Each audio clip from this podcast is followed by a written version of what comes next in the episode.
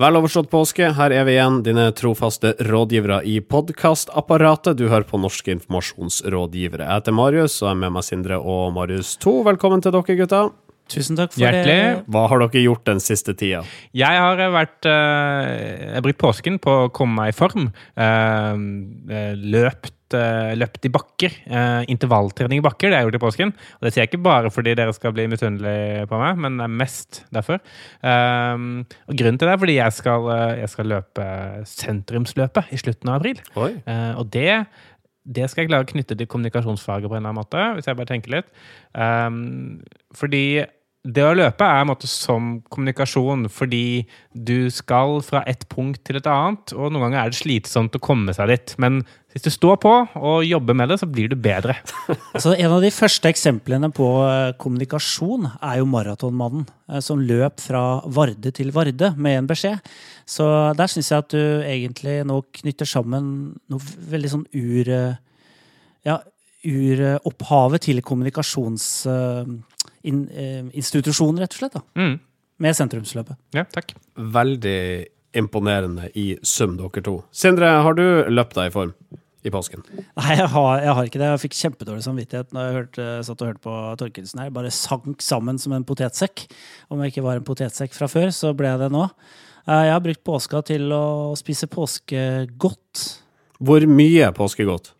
Jeg var i Sverige sånn tidlig i påska for å hamstre masse godteri. Så det ble jo i hvert fall et sånt gigapåskeegg, da. eh, Fullt med sånne puter, eh, sånn godteriputer, fers godterifersken, eh, godteri godt og godteri vondt. Eh, Etter hvert ble det også. Og nå har du hull i tennene og dårlig samvittighet. Ja.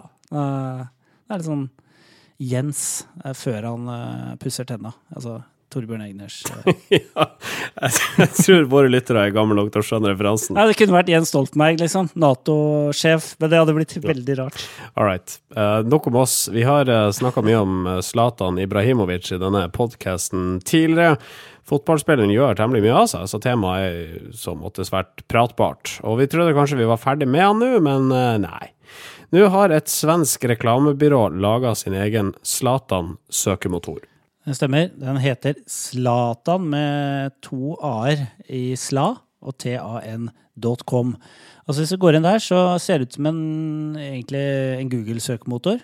Og det er det vel på en måte òg, bare at du får opp bare Zlatan-relaterte ord. Så hvis du søker opp navnet ditt eller kjøttkaker, så får du Satan-relatert Slatan, sorry, ikke Satan. Slatan-relaterte kjøttkaker opp i uh, søkefeltet. Det er også litt sånn eh, mediekritikk, selvfølgelig, fra de som har lagd dette, hvor de mener at det er altfor mye Slatan-stoff i uh, svenske medier. Fordi eh, alt som inneholder Zlatan, det, det klikkes på, og det leses.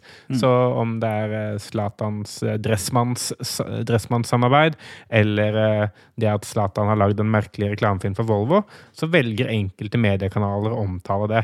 Eh, og begge de sakene har vi hatt oppe til diskusjon, så vi bruker også Zlatan for alt det er verdt, og er med på å underbygge dette, dette forferdelige fenomenet som herjer mediesfære. Ja, ja.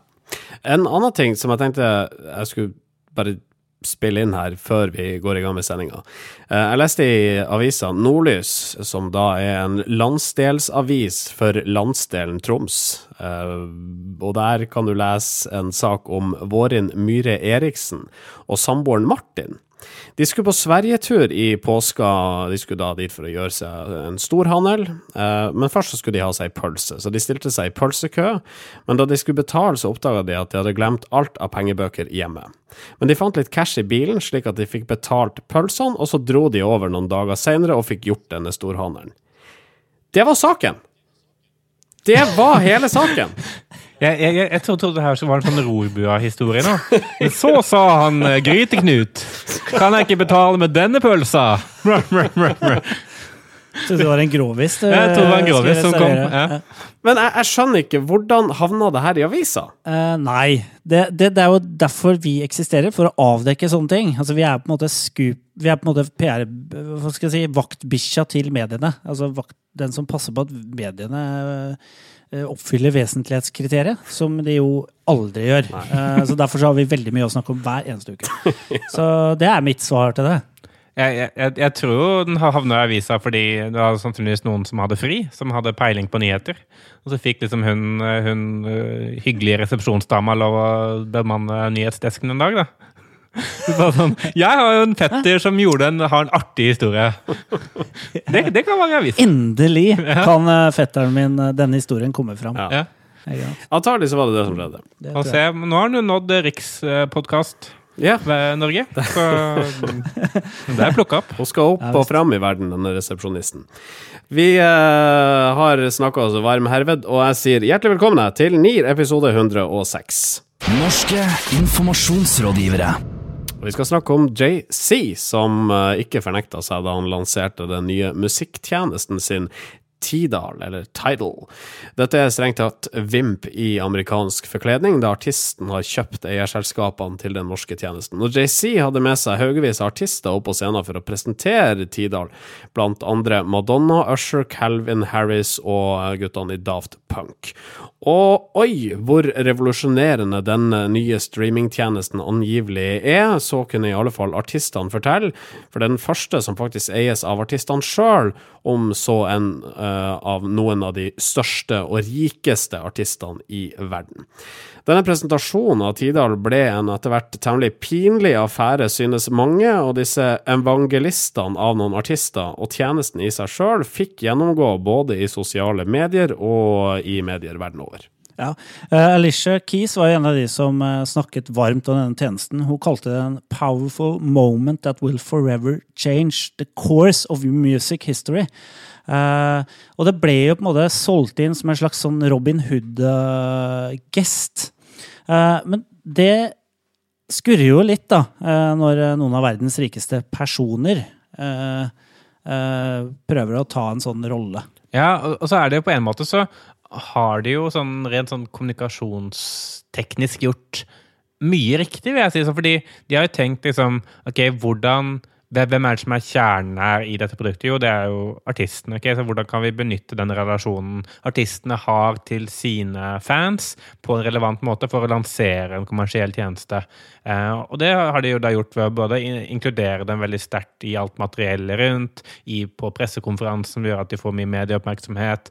Eh, så alt, alt det var en, måte, en riktig måte, måte å tenke på. Men så er det til syvende og sist egentlig sånn tone of voice på hele tingen som, som feller dem. Fordi det blir så utrolig sånn høytidelig og selvhøytidelig. At det blir fremmet ikke som et godt produkt, men som en eh, hyggelig tjeneste til alle som er opptatt av musikk.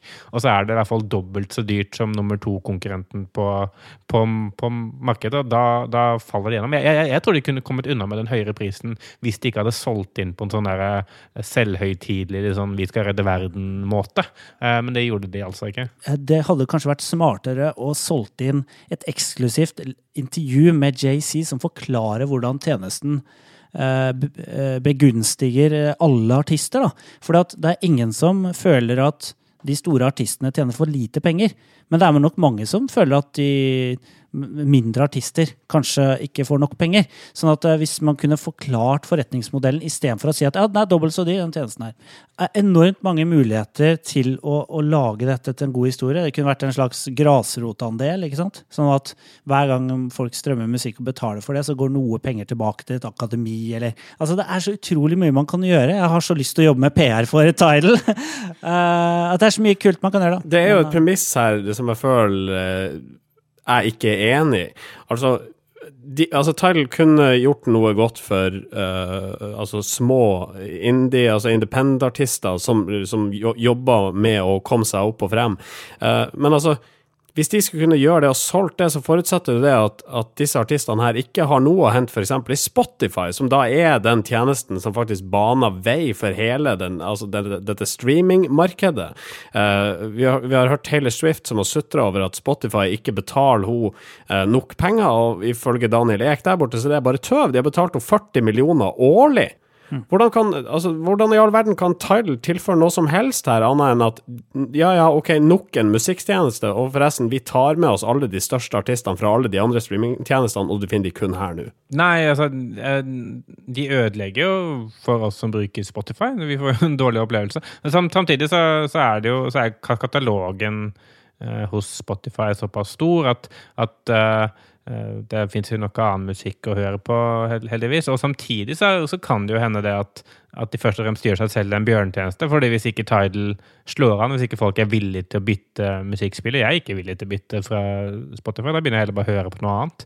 Så plutselig er det nye artister som er Spotify-lojale, eller hva man kan kalle det, som kommer og tar plassen deres, da, fordi de er mer, mye mer tilgjengelige. Uh. Nye sånne undergrunnsartister de kommer seg opp og frem på Spotify fordi at Alicia Keys og Daft Punk stakk the title, og ingen gadd å følge etter. Jo, men det er nettopp det, fordi altså, folk har jo en viss altså, Det er jo det er en, det er en begrensa ressurs her, som er tid man har til å høre på musikk. Og hvis plutselig den, det frigjøres masse tid, for man kan ikke høre på uh, Rihanna-sanger hele døgnet lenger, så må man finne en ny artist. Så da får den tiden istedenfor. Så det er så, sånn sett så er det jo en revolusjon. Ikke sant? De hjelper up and coming artister på Spotify til å få flere avspillinger. Thank you, Tidal! You saved my life! Apropos antall brukere, så så jeg tallene fra Spotify, og de har i dag ni millioner betalende brukere, eh, i tillegg til masse gratis brukere. Så det fins jo ingen andre som er i nærheten engang. Så lykke til, Tidal. Det går sikkert kjempefint. Norske informasjonsrådgivere. Ordfører Trude Drevland i Bergen har brukt 1,8 millioner kroner på taler siden 2012. Det kunne Bergens Tidende nylig melde. 128 taler kjøpte hun bare i fjor, og det er Erling Dahl jr., eh, for ordens skyld 68 år, som er forfatteren av samtlige. Han har for øvrig skrevet taler til Drevland siden 90-tallet. Bergen kommunes innkjøpsavdeling mener ordførerens talekjøp burde vært lagt ut på anbud, og hvis så er tilfellet, så har Drevland brutt loven. Ikke pinlig, sier ordføreren sjøl om saken. Nei, altså hun eh, legger vel liksom skylda på sin egen administrasjon delvis eh, for dette her. For hun mener at eh, de må kunne si fra hvis hun hvis, hvis eh, det blir for mye Altså at han, Erling Dahl, har fått for mye av de, disse oppdragene her. Og hun sier at hun er en veldig opptatt person og ta, holder veldig mange taler. Og du kan bare se på kalenderen hennes, så ser du at eh, hun kan umulig skrive alle disse talene selv. Hvis man ser liksom, på, på summene som er brukt, 1,8 millioner over tre år, det vil tilsi ca. 600 000 i, i året. Det er vesentlig billigere enn, om man skulle fått ansatt en person fulltid for å gjøre dette, f.eks. Uh, sånn i, i rene utgifter. Så jeg, jeg ville jo tenkt at hun burde forsvart seg med det. Her har vi jo spart penger istedenfor å ansette fyren. Så har vi bare hatt den på frilans-leash, eh, som gjør at uh, vi har kunnet bruke mye mer penger på, på brann. Men det, det er jo litt sånn, det lukter jo litt uh, vondt av dette her. Det er jo Bergen en relativt liten by.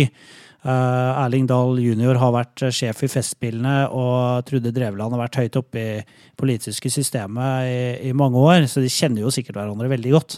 Det er jo det er veldig spesielt, og det føles ikke sant? Bergen kommune er også en kommune som har uh, dårlige budsjetter, eller overskrider budsjettene sine, og skoler eh, forfaller osv. Så, videre. så det, det, det at hun prøver liksom å holde fast ved at dette er ikke pinlig i det hele tatt, det tror jeg provoserer veldig mange. da. Så Én ting er at hun har gjort tabben i seg sjøl, og en annen er rett og slett hvordan hun håndterer det nå. Det hun, det hun prøver på, er jo å, å bare sånn claim ignorance. Så hun bare sier sånn Nei, jeg visste ikke at dette var galt. Hvis dette var galt, så burde noen fortalt meg det. Eh, for hun sier liksom at hun, hun et, etterlyser det at hun burde fått signaler eh, fra administrasjonen eh, hvis eh, hun har eh, brutt anbudsreglene. Og det er en litt sånn derre Du er jo ordfører. Altså, hvis noen skal gi signaler og kunne dette, så burde det jo være deg. Sånn, så, så det i seg selv vil jeg si et tynt forsvar, i den grad det er det. Så, så det kan godt hende at, at den måten å gjøre det på gjør at hun får mer PS enn hun hadde fått ellers. Fordi jeg tror nok folk kan forstå behovet for det, og hvis Altså, det å ha en taleskriver er altså en vanskelig ting å finne. for Du skal jo finne en person som virkelig representerer en måte, din stemme, og som snakker og skriver på en måte som du føler deg hjemme med. Så jeg forstår det at man velger å bruke én person, men, men det at man da sier da, jeg visste ikke at det var galt, det, det, det er jo en litt rar måte å gjøre det på. Det, akkurat det du er inne på der, er litt interessant. Det handler litt om rolleforståelse. For en ordfører er jo en politisk valgt person, men det er samtidig en sånn gallionsfigur, eller en person som en snorklipper, ikke sant? som holder masse festtaler, men som eh, kanskje ikke gjør så mye Lager så mye politikk, da. Så jeg vil jo si at hvis liksom hvis eh, Slottet hadde brukt 1,8 millioner kroner på taleskriving av en, eh, fra én leverandør, så ville antageligvis ikke kong Harald fått den kritikken. Da ville det vært sekretariatet eller administrasjon på Slottet. Og her tror jeg Drevland sier nei, men dette, dette er liksom, da må noen si ifra hvis, eh, hvis jeg har gjort noe feil. Jeg, hun hever seg litt sånn over det administrative nivået. Det, har ingen, det, det vil ikke hun ha noe med å gjøre. Hun Men, skal men, bare men holde tror du hun, hun forholder seg sånn til alle lover? Sånn der, «Å, Hvis jeg ikke jeg skal stjele i butikken, så må noen si ifra at det, til meg, at det ikke er greit. Altså. Ja, hvis jeg må bruke redningsvest i en liten båt, så må jo noen fortelle meg det. Det visste jo ikke jeg. jeg, jeg, ja, ikke sant? Jeg tror, men jeg tror dette er litt sånn typisk bergensk. da. For at Bergen har en tradisjon på å ha ordførere som er litt sånn heva over loven. For de hadde jo Herman Friele som ordfører en periode. Og han kjørte i, i kollektivfeltet med, liksom, eh, med kabrioleten sin. eh, Rundt omkring der han var ute og kjørte bil. Sånn at, altså, det er et eller annet med det at eh, er du ordfører i Bergen, så er du, er du på linje med kongen og dronningen. da. Ja. Da, ikke sant, da vinker du fra en eller annen balkong eh, en gang i året og holder noen taler, klipper snorer og liksom drikker teen min og sherryen, og så har jeg gjort det jeg skal. Kjører du kollektivfelt igjen? Uh, I fylla. I sherryfylla. hva du mener det ikke lov å kjøre i fylla? Hvis det ikke er lov, så må noen fortelle meg det. Ja. Og hvis du lurer på hvorfor jeg er fra Bodø, så er det fordi min far er fra Bodø. Ja, det er interessant, for Trude Drevland er jo nordlending, så det, det, var, det var faktisk ganske nære å invitere. Er- er- er? Ufrivillig. Jeg trodde hun var fra Bergen. Nei, hun er, fra Nord-Norge. Hun er fra Nord-Norge, og hun er jo søstera til Lars Andreas Larsen. Jeg, jeg trodde lenge helt oppriktig at hun og han Ester Pirelli Benestad var samme person. Og, Det er- Nei, altså det, det, det, de ligner jo veldig på hverandre. Ja, ja, ja. Det er på en måte og, Altså Hadde du liksom Ester Pirelli, Margaret Thatcher og Trude Drevland, de er en og samme person. tror Ja, jeg. det tror jeg. Jeg trodde lenge at eh, Trude Drevland var hun som spilte harpe i Flåklypa Grand Prix. For en referanse!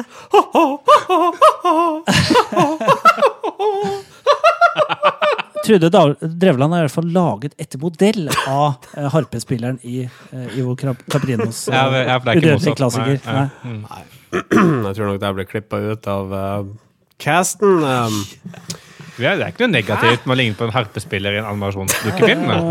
Et ikon. Vi, sa, vi, vi sa ikke at, at det burde være fellingstillatelse på henne. nei, det gjør vi ikke. Men eh, altså, vi har ikke noe råd til Drevland her. Vi kan vel bare konstatere at det som har skjedd, det har skjedd. Ja. Ja, det, eh, det- ja vi, vi får gjøre det. Og så føler du at, det er føler at eneste måten å komme seg unna på, er å heve seg over loven, så gjør det. Ja. Siste nytt fra Facebook-gruppa Smått og stort om sosiale medier på 60 sekunder. Velkommen til siste nytt fra Facebook-gruppen Smått og stort om sosiale medier på 60 sekunder. Jeg er Marius Thorkildsen. Denne uken har vært hektisk i Facebook-gruppen Smått og stort i sosiale medier. Først ut er Vanessa Rafael Michel, som lenge har lurt på om man skal skrive på norsk eller engelsk på Twitter, som hun for øvrig ikke bruker. Men det kan jo forandre seg. Ole Christian Buer Bakkene svarer hva med å spørre følgerne dine først? Karina Berens hadde et av de sedvanlige spørsmålene om hva som er lov å gjøre i en post på Facebook. Hun spør er det lov å be følgere tagge andre om det ikke er en konkurranse. For eksempel It's two for Tuesday. Tag a friend who? Prikk, prikk, prikk. Hun fikk ingen svar. Sist ut er Stine Norum, som spør hvem inspirerer dere på innovasjonsfronten i Norge? Kom gjerne med innspill og tanker som vi kan se på når vi skal sette sammen de sterkeste stemmene i Norge. Hun fikk tre likes, ingen kommentarer. Lykke til, Stine. Det var alt vi hadde i denne sendingen. Jeg heter Marius Torkelsen. Du har hørt Siste nytt fra Facebook-gruppen Smått og stort om sosiale medier på 60 sekunder. Ha det! Norske informasjonsrådgivere. Trygdekontoret fikk kritikk av noen da de bestilte en pornofilm fra USA her tidligere. Det var da en del av en sketsj. En av kritikerne var TV-trimmer Kari Jakkesson, som i avisa kunne fortelle at hun vurderte å anmelde både Thomas Seltzer og NRK, da hun mente pornofilmen rammes av sexkjøploven. Det gjør den ikke. Trygde-Seltzer nekta å legge seg fra, flat. Bra. Og i stedet så valgte han å bestille en ny pornosketsj, denne gang med Kari Jackoffson i hovedrollen. Ja, eh, denne, denne sketsjen den, eh, den gikk eh, i beste sendetid, holdt jeg på å si, på Trygdekontoret denne uka. Og det ble jo litt Det ble jo litt etterspill av dette også. Altså, filmen viser da en uh, altså pornoversjon av Thomas Seltzer og pornoversjonen av uh, Kari Jakkesson, som, som uh, finner tonen igjen etter mye krangling. Og, og, de velger å finne tonen ved å ha høylytt sex. og i etterkant av dette her, da, så, så har jo en del personer kommet på banen. Blant annet Sosial Sosialistisk Ungdom mener jo at dette er eh, forferdelig. De raser i Dagbladet eh, og mener at dette er en måte å kneble uh, debatten på, og virkelig henge ut personer som, som har valide poenger i, i, en viktig samfunnsdebatt. Det, det, er jo en litt uvanlig måte å svare på en kritikk på, må jeg si. men Thomas Helse er jo ikke noen vanlig person. Han er jo han er i seg sjøl. Han, eh, han, eh, han, har jo sin, sin måte å, å, gjøre ting på. Og jeg syns det er på en måte både elegant og grenseløst frekt, på en måte, det han gjør her.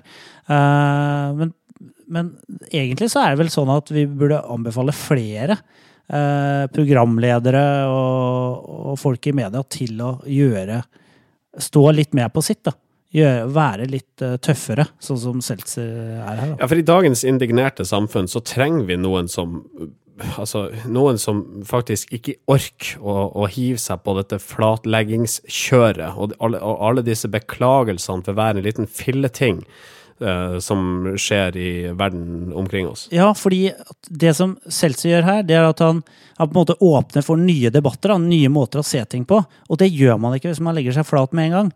Da, da hvis man legger seg flat, alltid, da godtar man det prinsippet eller eh, eh, premisset som debatten eh, har, har, fått. Og da blir det ikke noe interessant. Det, det er det som er kult med Seltzer. Mm. Det, det, som er sånn, Apropos det der sånn, altså, For dette er en kommentar på en måte, til det der indignerte samfunnet, hvor, hvor, folk blir støtt av veldig veldig små ting. Og dette her er jo altså sånn jeg forstår jo at man kan bli støtt av hvis noen lager en pornofilmversjon. Så det er en måte en, mer en sånn der overreaksjon da, fra Thomas Seltzer for å vise mm. liksom, det parodiske i alt annet man blir støtt av. Sånn, sånn, han sier jo til Kari Jaksson nesten sånn Hvis du ble støtt av den første sketsjen, da skal du se denne her! Da skal vise deg støtt, jeg. Ja. ja, mer å gå på. Det, ja, sånn. ja, det, altså, det er jo Jakkesson sin feil. Altså, det var jo hun som begynte å gnåle om den første. Og uh, han uh, godeste Seltzer, han skyter jo spurv med artilleri her. Ja, jo, virkelig. Nei, men det er det jeg mener. fordi hun, hun var ikke involvert i den første sketsjen. Hun bare bruker den, den sketsjen som en sånn måte å endelig komme i rampelyset på og få med noe. ikke sant? Så Sexkjøpsloven er bare mm. helt tullete. ikke sant? Og, og Altså, jeg sier ikke at loven er tullete, men det den skal rammes av det, er tull-tullete. Uh, så da gir han jo henne noe hvor hun kan være indignert med liksom, på ekte. da. Ja. Eh, og, så, og, Samtidig så handla da den, den, episoden av Trygdekontoret om krenkelse. da. Mm. Så han vil også vise da hvordan man kan krenke, tror jeg. Så, så, det er en litt sånn herlig sammenblanding av både en debatt og parodi og satire alt i ett samtidig. Mm. Uh, du nevnte Sosialistisk Ungdom her uh, tidligere, Torkelsen. Kaja Lund derifra hun var jo i avisa og var sint. Hun mente, eller forbanna, som hun sjøl sa. Hun mente at dette her er altså henge ut en samfunnsdebattant som har vært uenig med dem på en helt saklig måte. La meg bare spørre, altså, er Jakkesson saklig når hun krever anmeldelse uten å kunne juss? Er det et usaklig angrep når vi snakker om damer som uten noen form for vitenskapelig belegg tidligere har hevda at 80% av pornoen på nett viser smerte, trusler og redsel, og at gutter fra ung alder får et skjevt bilde av seksualitet og utvikler denne og maskuliniteten sin i samspill med pornoen? Er det ikke hun som er usaklig når hun hevder at porno fører til høyere toleranse for vold mot kvinner, og at antallet sykelige pornoavhengige menn har eksplodert de siste ti årene. Eller, eller, eller, når hun eh, hevder at det er Israel som står bak IS. Ja, Det siste der er jo kjempeinteressant. For det er både politiker, fitnessdronning og sexolog. Sexolog, ja. Eh, vi, vi, vi, skulle nesten ha gitt uh, Selse kudosen her for deg. Ja, han fortjener nesten en, en kudos. Uh, det er ikke langt unna der, altså. Mm. Norske informasjonsrådgivere. Der var du engasjert, Staulen. Ja, men vet du, det er De engasjerte deg, altså. Jeg blir så forbaska på alt det gnålet i avisene. Å, så mange som er forbanna over de minste filleting. Vet du, jeg, jeg blir så sint. Jeg, jeg, skal, jeg er helt enig. Jeg er så lei klaging.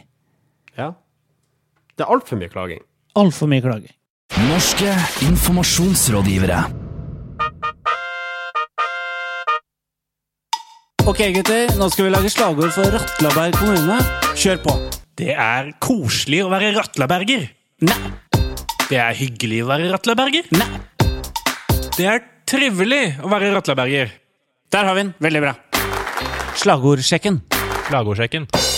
Velkommen hit til eh, Slagordsjekken. Dette er eh, Sindre Holme bak eh, spakene, eller i hvert fall bak mikrofonen.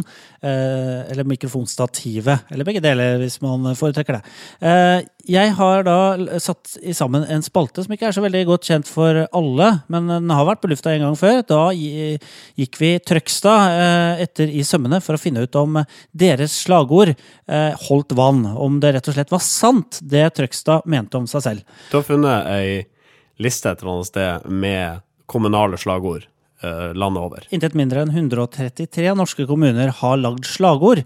Eh, ikke vet jeg om det er resultat av en, eh, en slags støvsugerselger slash omdømmerådgiver som har klart å selge inn en omdømmeprosesser hos disse kommunene. Men i hvert fall så er det ganske pussig å se at det er også veldig mange små, ganske ukjente kommuner som har slagord. Så derfor så syns vi det er på tide å liksom sjekke ut er kan det stemme, liksom? Eh, er det Er eh, Snåsa et Norge miniatyr? Eh, eller er, ordner det seg i Fredrikstad? Ikke sant? Og, og, og det er derfor vi da tar utgangspunkt i det kommunene sier om seg selv. Så skal vi se er det sant, eller er det ikke. Ja. Så skal vi ta en konklusjon på slutten. Ja, ikke sant. Eh, og da vil jeg dere, at dere er med, uh, hjelper meg, eh, og, og på en måte påvirke det utfallet, da. Eh, så da eh, kan vi si at denne uka så, har, så reiser vi Det er ikke tidsmaskin denne gangen her, vi bare reiser i, i, i rom, ikke tid. Eh, så vi drar til nordøstlige Finnmark. Eh, der skal vi til en kommune som heter Berlevåg, som har 1100 innbyggere. Eh, Berlevåg er mest kjent for fisk, selvsagt. Eh, og så er det kjent for et mannskor som det ble laga noen dokumentarfilmer om på 90-tallet. Eh, og den dokumentarfilmen het 'Heftig og begeistret'. Eh, og Berlevåg har faktisk vært så smarte de, at de har lag, tatt slagordet 'heftig og begeistret'. Ah. Men så er jo spørsmålet da, er Berlevåg så heftig og begeistra liksom når, når kameralys slukkes og mikrofoner skrus av? Eh, hvordan er det der nordøst i Finnmark egentlig, da? Eh, så det er det jeg tenkte jeg skulle sjekke. Ja, og du, du sjekka det her da uh, gjennom ymse uh, Ah.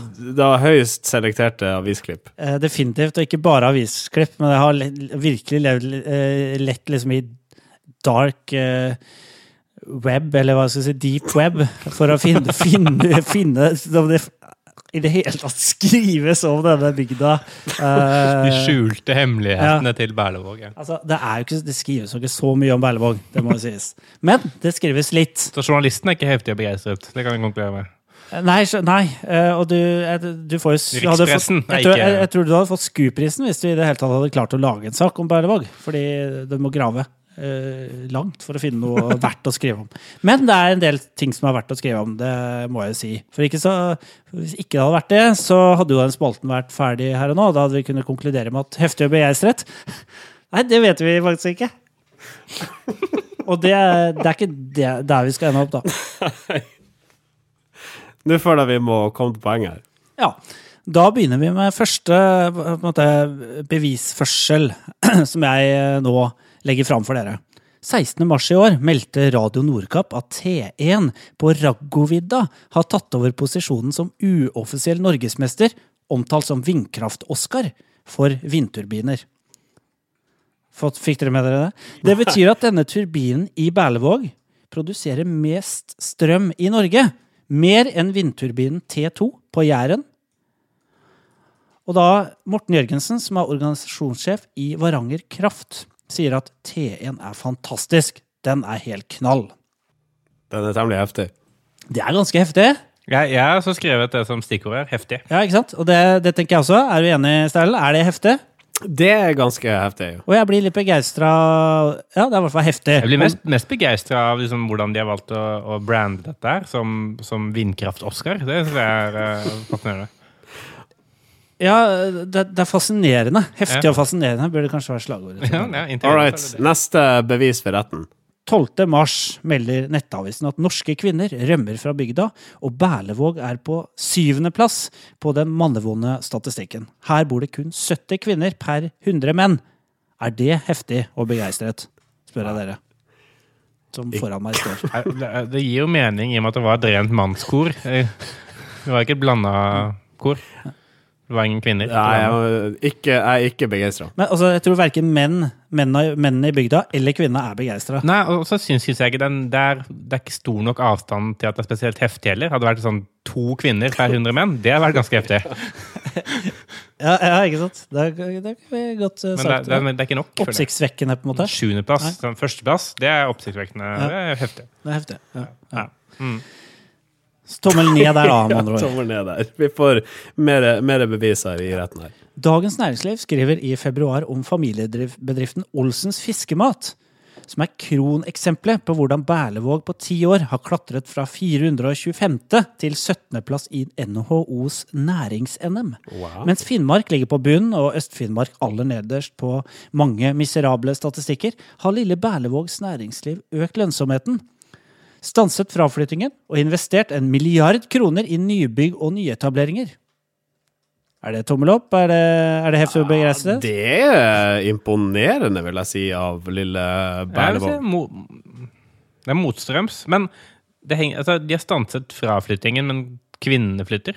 Ja, jo, men nå, skal, nå, må du nå må du skille på sakene. Ja, okay, ja. Ja, jo, det, det er vi enige om. Det er ikke bra. Men nærings-NM, da. 17.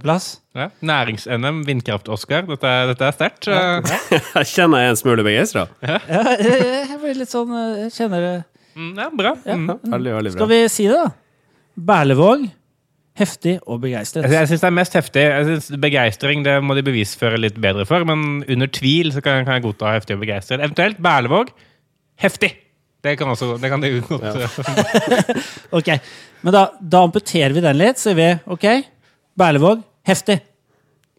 Ikke så begeistret. Ok. Takk til deg, Sindre Holme.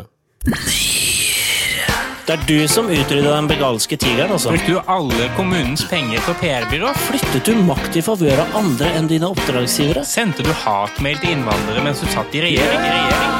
Dette skal ikke skje. I forhold til det så legger jeg meg flat. Det var ikke meningen at du skulle finne ut det. Jeg legger meg flat. Det veldig mye negativ presse. Jeg legger meg flat.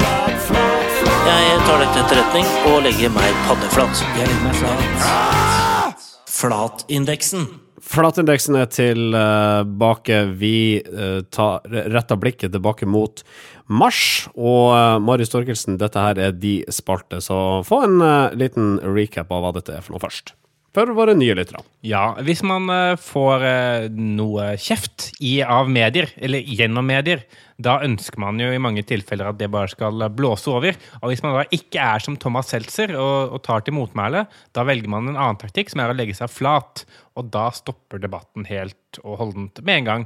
Og så, og så går det over, og så stiller ikke folk spørsmål. Og vi er litt opptatt av at folk skal slutte å gjøre det. fordi For det første er det mye gøyere når det er debatter. Og for det andre så synes vi ikke noe om at man skal legge seg flat bare for å unngå å få kjeft, selv om man kanskje har hatt rett i utgangspunktet.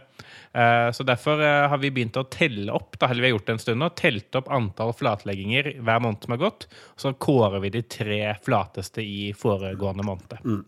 Du har uh, gjennomført i telling som vanlig. Hva er fasiten for mars måned? Fasiten for uh, mars måned den er på 21. Det er, eh, det er faktisk litt under februar, så vi har en positiv trend på starten av året her. Jeg er veldig fornøyd med min egen innsats. Ja. Også fordi da tar det litt kortere tid å gjøre dette her. Når vi er oppe på 60, så er det jo et helvete. Men uh, 21, det, det er helt greit. 21 eh, unike flatlegginger i mars måned. Vi tar for oss de tre flateste, og vi begynner med tredjeplassen. Tredjeplassen, den eh, innehar Finnmarksløpet og daglig leder i Finnmarksløpet, Gunnar Nilsen. For dette er, og dette er en litt komplisert sak, så dere får prøve å følge det. Fordi Jan Øystein Dervo han eh, prøvde å fullføre Finnmarksløpet. Men så, på et sjekkpunkt rett før Alta, så ble han oppsøkt av en representant for Finnmarksløpet fordi han lå aller sist i løpet, og han ble oppfordret til å bryte. Dervo han ønsket ikke offentlig polemikk, som han sier, så han eh, valgte da å bryte uten å polemikke. Eh, mikke, eh, Polemisere. polemisere. Eh, men senere så skulle det vise seg at eh, Dervos venn eh, Roger Persson han har vært frivillig i, i Finnmarksløpet i 24 år. Og nå ble han så forbannet over at vennen Dervo ble tvunget til å bryte på et offentlig sted hvor han ikke kunne polemisere. Så Derfor har, har Persson valgt å trekke seg som frivillig. Dette beklager Gunnar Nilsen til, til Persson, men ikke til Dervo. Og, Gunnar, og Persson sier det at uh, han trenger ikke noe, noe beklagelse. Det er Dervo som trenger beklagelsen. Men den nekter Nilsen å gi. Så han både legger seg flat og legger seg ikke flat. Så han legger seg ikke flat. Jo, han legger seg flat ovenfor Roger Persson, som er frivillig, som han gjerne vil ha med som frivillig, men ikke ovenfor Dervo, som uretten ble begått i utgangspunktet. Finnmarksløpet, mine damer og herrer. Det må være indignert på vegne av andre. Det, det er en norsk eh, paradegren. Altså. Ja, så får du da også beklagelse på vegne av andre. Ja. Men den det gjelder, får ikke beklagelsen. Det var antagelig den mest innvikla flatlegginga vi har hatt eh, i denne spalta siden vi starta opp for ja, jeg vet ikke, halvannet år siden. Eh, La oss eh, gå til eh, andreplassen. Vi skal antagelig sørover. Det skal vi. Vi skal til Bamble. Bamble i eh, Telemark. Og vi skal til politiadvokat eh, Kjell Ove Ljosok, som høres ut som han er eh, fra nord, vil jeg si, men det vet vi jo ikke. Han legger seg flat, for i 2012 gikk Bamble kommune til anmeldelse mot en anonym tidligere politimann som hadde felt trær ulovlig i hagen sin. Denne anmeldelsen ble da overlevert til politiet. Og politiet lot den bare ligge i fem år, nei, i tre år og håpet at noen, at noen skulle glemme den. Eh, for det var en tidligere politimann det gjaldt, så var det sånn ah, er det så farlig, ja? Jeg bare feller felle trær uten tillatelse, det må, må, må være greit. Eh, flere ganger så har Bamble kommune pyrret på dette og lurt på om det skjer noe med anmeldelsen. De har ikke hørt et knyst fra politiet før det nå da til slutt nådde mediene. Og Kjell Ove Ljosak sier det at eh, han, han legger seg flat. og Han sier det at sånn jeg oppfattet det, så var det mye sykemeldinger og mye fravær på Økokrim da anmeldelsen kom for tre år siden. Og da ble ting litt liggende. Eh, så han, eh, han beklager det fryktelig og legger seg flatt. Jeg kan jo legge til at Bamble kommune har slagordet 'stadig bedre'. Så det har i hvert fall skjedd en forbedring der, da. Ja. Uh, mars måneds flateste Hvem er det, Torkelsen? Mars måneds flateste, og også ansvarlig for eh, mars måneds morsomste overskrift, ifølge meg, det er Storebrann. Eh, fordi eh, denne flatleggingen skjuler seg under over- overskriften 'Erklært død av Storebrann'. Jon Kolseth, 80, fra Sør-Fron, fikk brev fra forsikringsselskapet Storebrann om at han var død. De ville ha tilbakebetalt pensjonen hans. Men eh, Jon Kolseth var jo ikke død. Eh, han var eh, i høyeste grad i live. Og han forteller at han har ringt til Storebrand opptil flere ganger. De har beklaget og gitt lovnader om at saken skal undersøkes nærmere. Men det har ikke skjedd noe. Og da han mottok en, et nytt brev om at han fortsatt var død og fortsatt ikke hadde betalt tilbake pensjonen sin, så gikk han til, til mediene.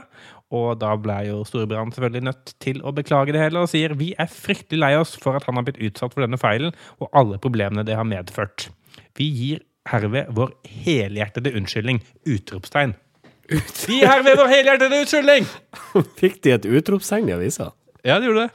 Ha. Det er altså kommunikasjonsdirektør Elin Myrmel Johannessen i Storebrand som legger seg flat her. For de kan ikke erklære dødsfall.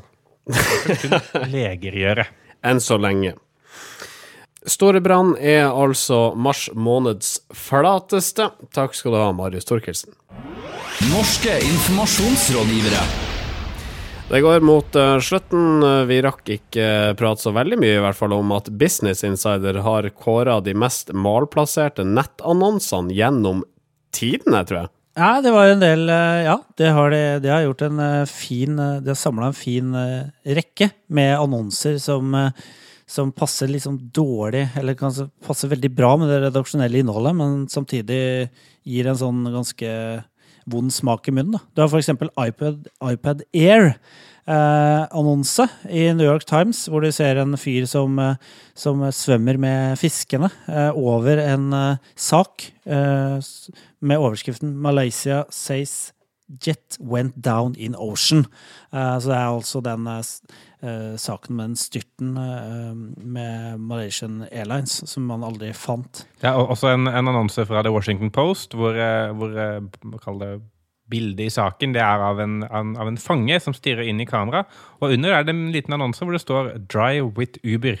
Og Uber har jo fått mye kritikk fordi de bl.a. ikke sjekker rullebladet til sine ansatte. Så det er også litt sånn artig, uheldig potato, Ja, potato jeg, Jeg må få dele en eh, sak til også. Det er Yahoo News. Altså, vi er veldig glad i Yahoo. Uh, vi har jo det på, e på i vår e-postadresse. Vi er jo sponsa av Yahoo. Uh, nei, det er vi ikke.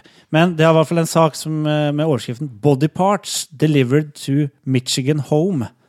Og så er det UPS da, som har en annonse i, på en måte, inni den saken, hvor det står 'It's UPS early morning delivery'. Ja, det er fint. Um, vi legger sikkert ut en uh, lenke uh, på våre Facebook-sider. Eh, Et par ting jeg kan ta med også her. Dette her blir bare sånne små notiser. Um, Martin Huseby Jensen i Fagbladet Journalisten har brukt feil komparativ i overskrifta 'Dagbladet vil ha lengre sendetid'.